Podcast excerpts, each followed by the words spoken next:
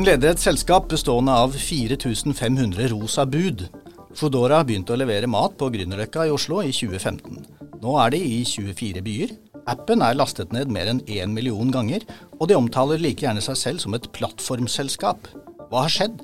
Hvordan har selskapet håndtert veksten, og hvordan skal de vokse videre? Elisabeth Myhre leder selskapet og er gjest i Innopodden, sammen med Håkon Haugli og meg, Kjetil Svorkmo Bergmo.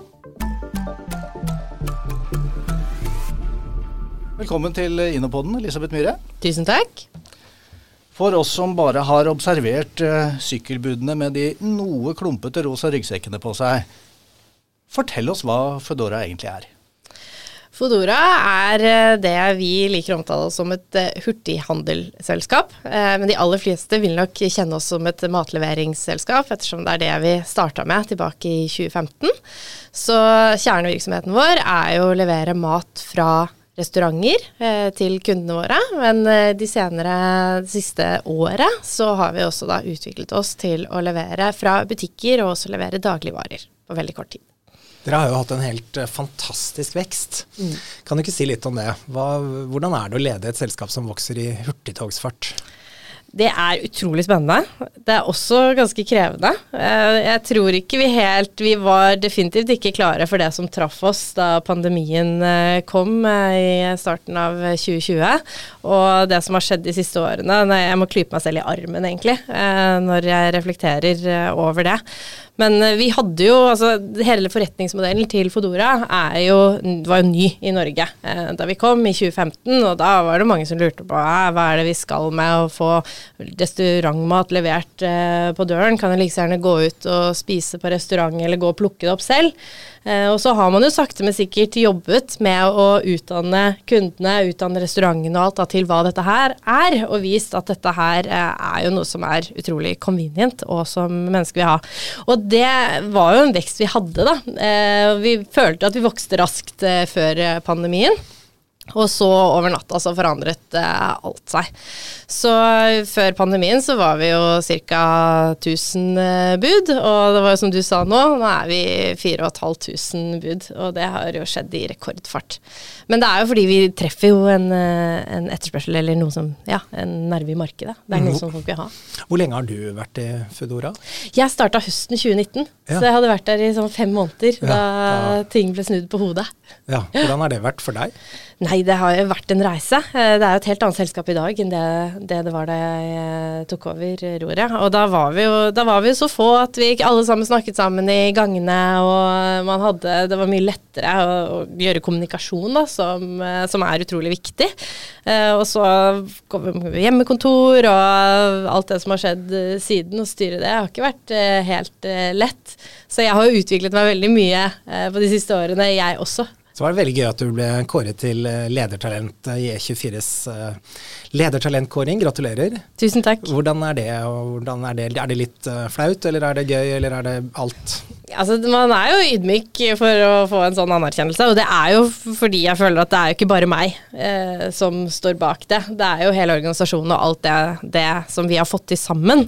Eh, men det er jo også den kategorien organisas organisasjonsutvikler eh, som jeg syns var spesielt eh, gøy da, å, å, nå til toppen av, fordi det brenner jeg for. Mm. Jeg syns det er kjempegøy å utvikle mennesker. Men hva er det du gjør som, som gjør at du skiller deg ut og er bedre enn andre? Altså Bedre enn andre, det er jo Det, det vet jeg ikke helt, men ja, jeg syns at et eller, annet, et eller, annet, riktig gjør jeg, gjør jeg, nok. Men jeg tror for meg så handler det veldig mye om eh, dette med åpenhet eh, og tillit. Eh, og ærlighet. Og det har jeg vært opptatt av hele veien. Og bare, jeg tror det er sånn man får med seg folk, i, på godt og vondt. Og ved å være åpen og ærlig og skape eh, mye rom og takhøyde eh, for at eh, folk kan eh, prøve og feile. Eh, og ja, jeg tror det er nøkkelen også for, for, oss. Vi er alle ett lag, altså skape ett lag. Og så har vi forskjellige roller i det laget. og ja, jeg sitter som daglig daglig leder, eh, men alle må Det er ikke den viktigste rollen i selskapet, for oss å si det sånn. Det er liksom alle må spille sammen. Eh, og det, det er viktig. Vi er jo litt opptatt av hva er det som er um, innovasjonen da, i Foodora. Uh, og det er jo sånn Sykler har vi jo hatt i generasjoner. Jeg vet ikke, den må jo være mange hundre år gamle, syklene. Uh, og det at folk får levert noe hjem, er jo heller ikke helt nytt. Nei. Hva er det som er det innovative nye med Foodora? Det er jo teknologien eh, som ligger bak, som muliggjør at vi kan levere så raskt som det vi kan. Så vi leverer jo i snitt på under en halvtime. Og det hadde vi ikke fått til hvis ikke vi hadde hatt teknologien som surrer og går bak. Og jeg, jeg, altså jeg blir hver gang jeg går inn og dypdykker i systemene våre, og så ser da på, på, søndag kveld hvor mange bud vi har på jobb, det er jo peak time, da, og du ser hvordan da, dette går automatisk, ikke sant. Dispatcher da leveringen til det nærmeste budet, men den, det er ikke alltid det nærmeste heller, det er liksom hva som er den smarteste på ruten til det budet, og alt det som foregår bak der. Eh, det er jo det som er det unike, og som gjør at eh, vi kan levere så raskt, og også med nedtellingen til kundene osv. osv. Mm. Så um, uten uh, teknologien så hadde vi jo Selv om vi er en veldig bedrift med mye fysisk, ikke sant? vi er jo mennesker. Det er jo mennesker som leverer fra A til Å. Mm. Det er jo, som du sier, det er jo bud. Mm. Og det har vært der uh, mange år. Men det er teknologien som, uh, som gjør at vi klarer å levere så fort. Altså jeg, har jo, jeg jo, må jo avsløre at jeg har vært kunde av Fodora. Nå er det minne, denne samtalen meg på at det er en stund siden sist. Men det jeg syns er helt fantastisk, er den nedtellingen. da. Mm. Og det er nesten de, Du får jo et varsel når budet er rett utenfor, så du kan nærmest gå til Jeg bor i en, eh, et bygg med seks etasjer. da, Jeg kan gå til øh, døra, og så kan jeg stå klar når det ringer på. Ja. Og det jo, viser jo liksom kraften av den teknologien. da, Bare ett uttrykk for det. Mm. Og det budet har fått det oppdraget fordi det er en enkel rute å kjøre hjem til akkurat meg. Jeg syns det er utrolig gøy å oppleve det også fra kundesiden. Mm. Oppleve veldig sånn god ivaretakelse da, gjennom de systemene. Og det er jo det som er, det handler om å optimere. fordi For oss så er jo, for å få lønnsomhet i denne businessen her, så er det helt avhengig av at vi er så effektive som mulig på den leveringen. Og det budet utnyttes maks i den tiden eh, det budet er på jobb. Og da at den finner den optimale ruten og får det til deg også, som for kundeopplevelsen sin del, på riktig tid, det er helt alfa og omega. Mm. Og du skal jo helst ikke ha den restaurantmaten altfor lenge liggende Nei. i transport heller. Det er også sant. Eh, og Norge er jo et krevende land å levere i, spesielt nå er det fint vær, men eh, det er eh, ja. Om vinteren så er det verre. Ja.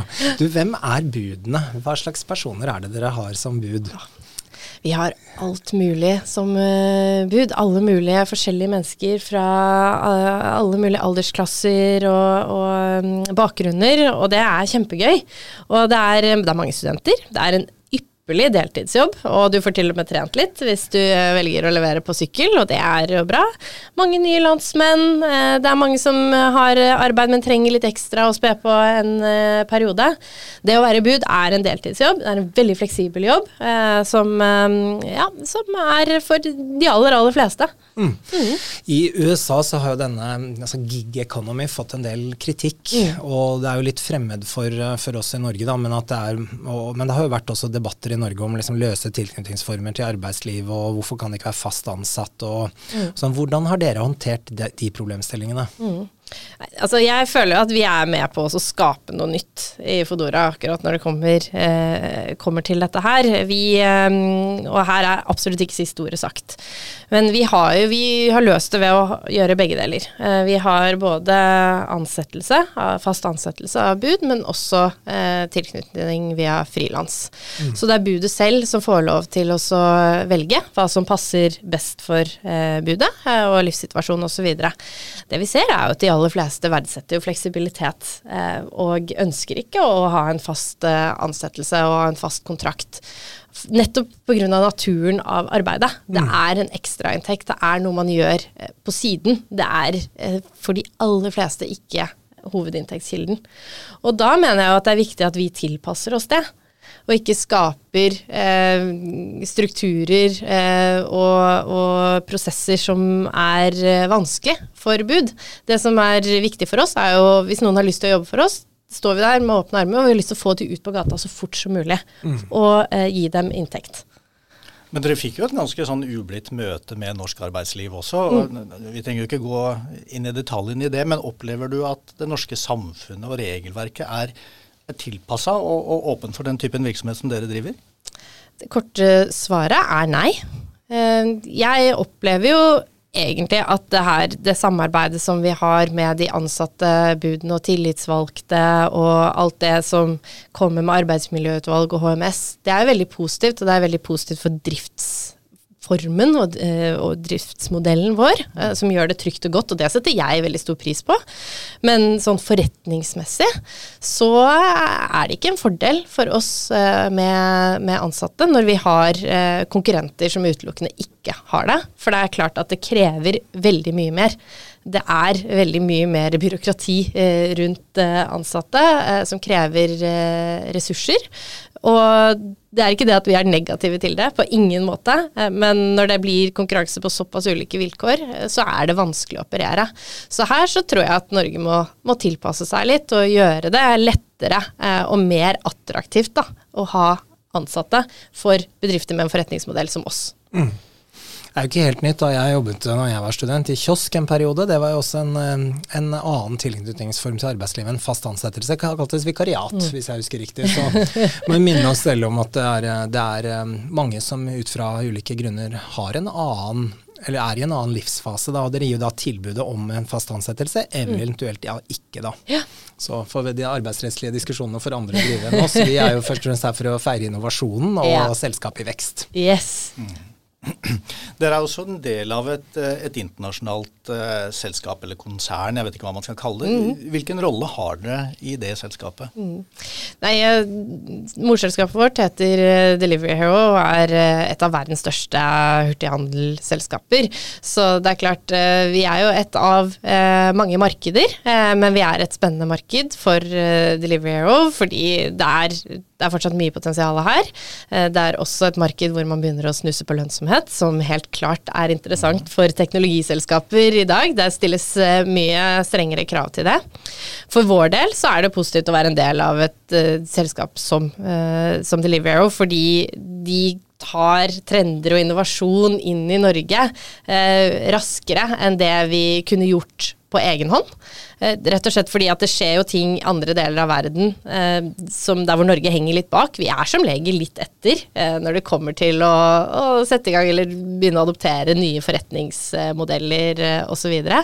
så f.eks. dette med hurtig levering av dagligvarer, eh, Fodora Market, hele den teknologien og den forretningsmodellen var jo noe vi har tatt fra utlandet, altså Still with Pride, fra andre markeder, og så at det var potensial her i Norge.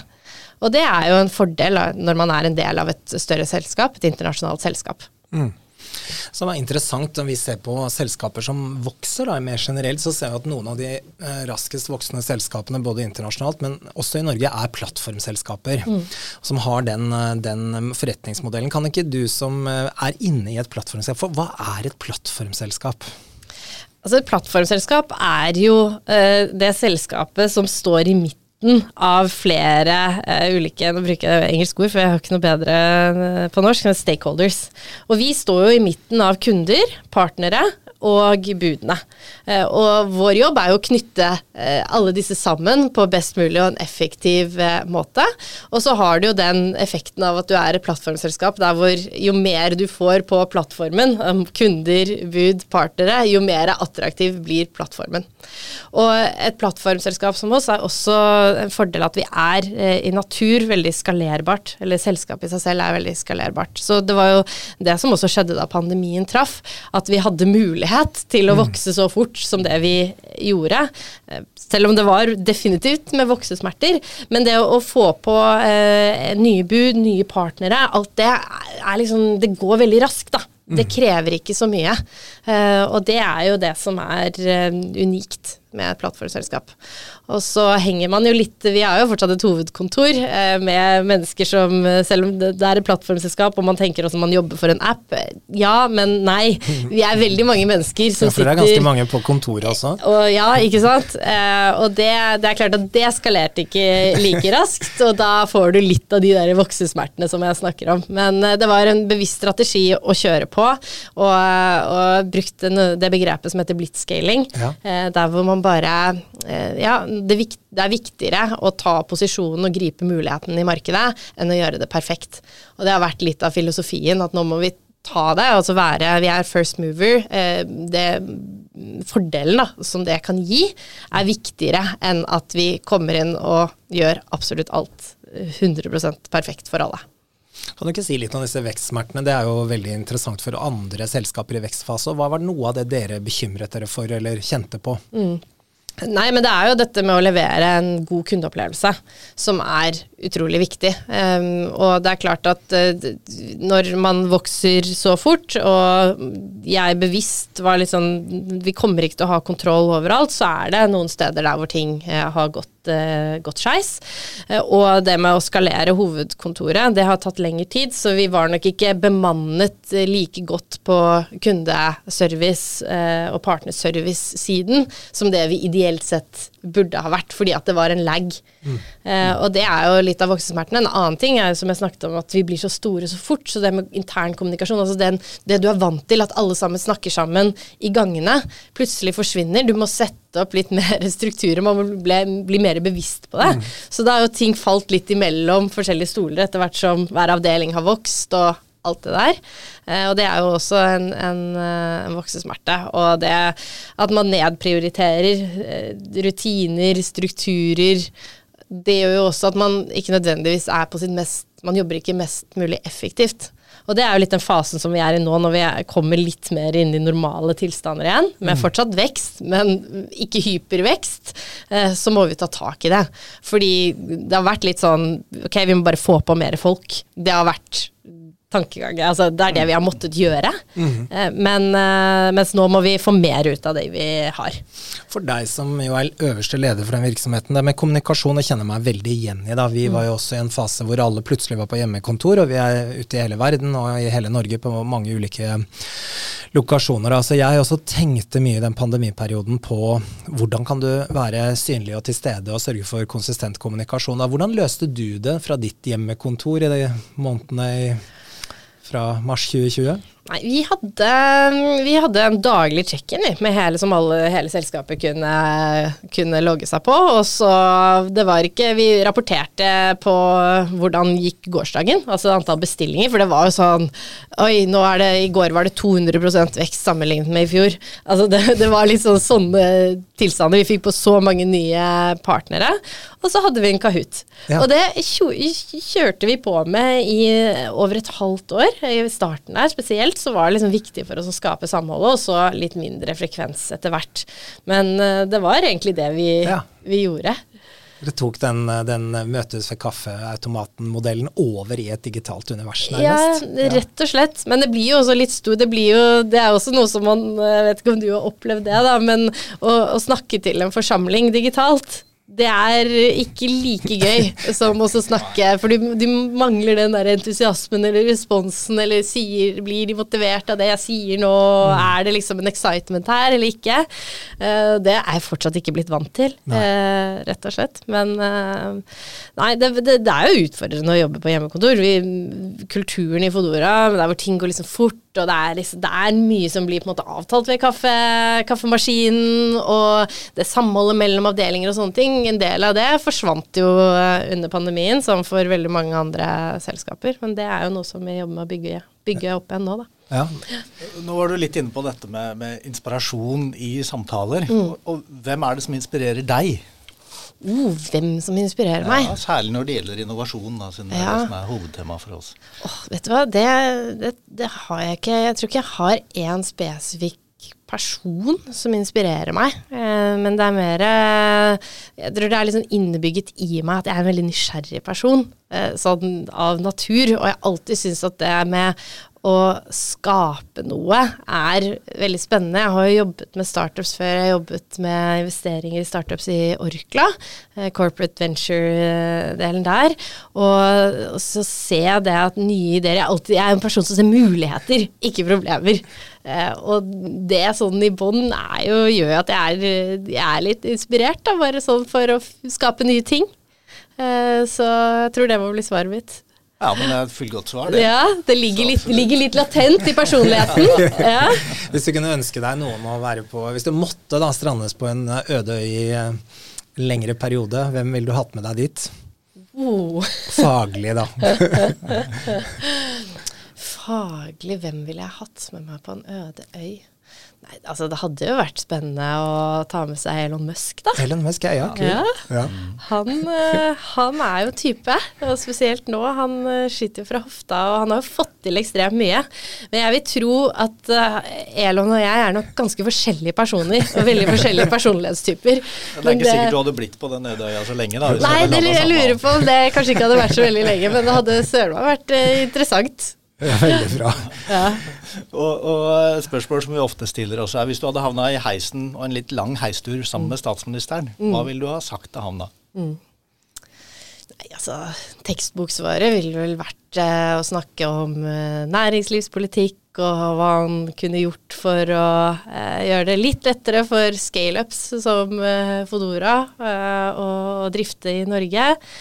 Arbeidsliv, ja det er mange sånne temaer. Um, men jeg tror det jeg hadde vært personlig vært interessert i å snakke med han om, er ledelse, og hvordan han er som leder. Det, det, det vet jeg ikke. Altså, man ser jo han som statsminister og hvordan han er, men for sine nærmeste og for å motivere regjeringen og, og de som han leder, det hadde vært uh, spennende. Og så hadde jeg sikkert spurt eh, hvem i regjeringen som bestiller mest fra Fodora, bare for å få litt innsideinformasjon der.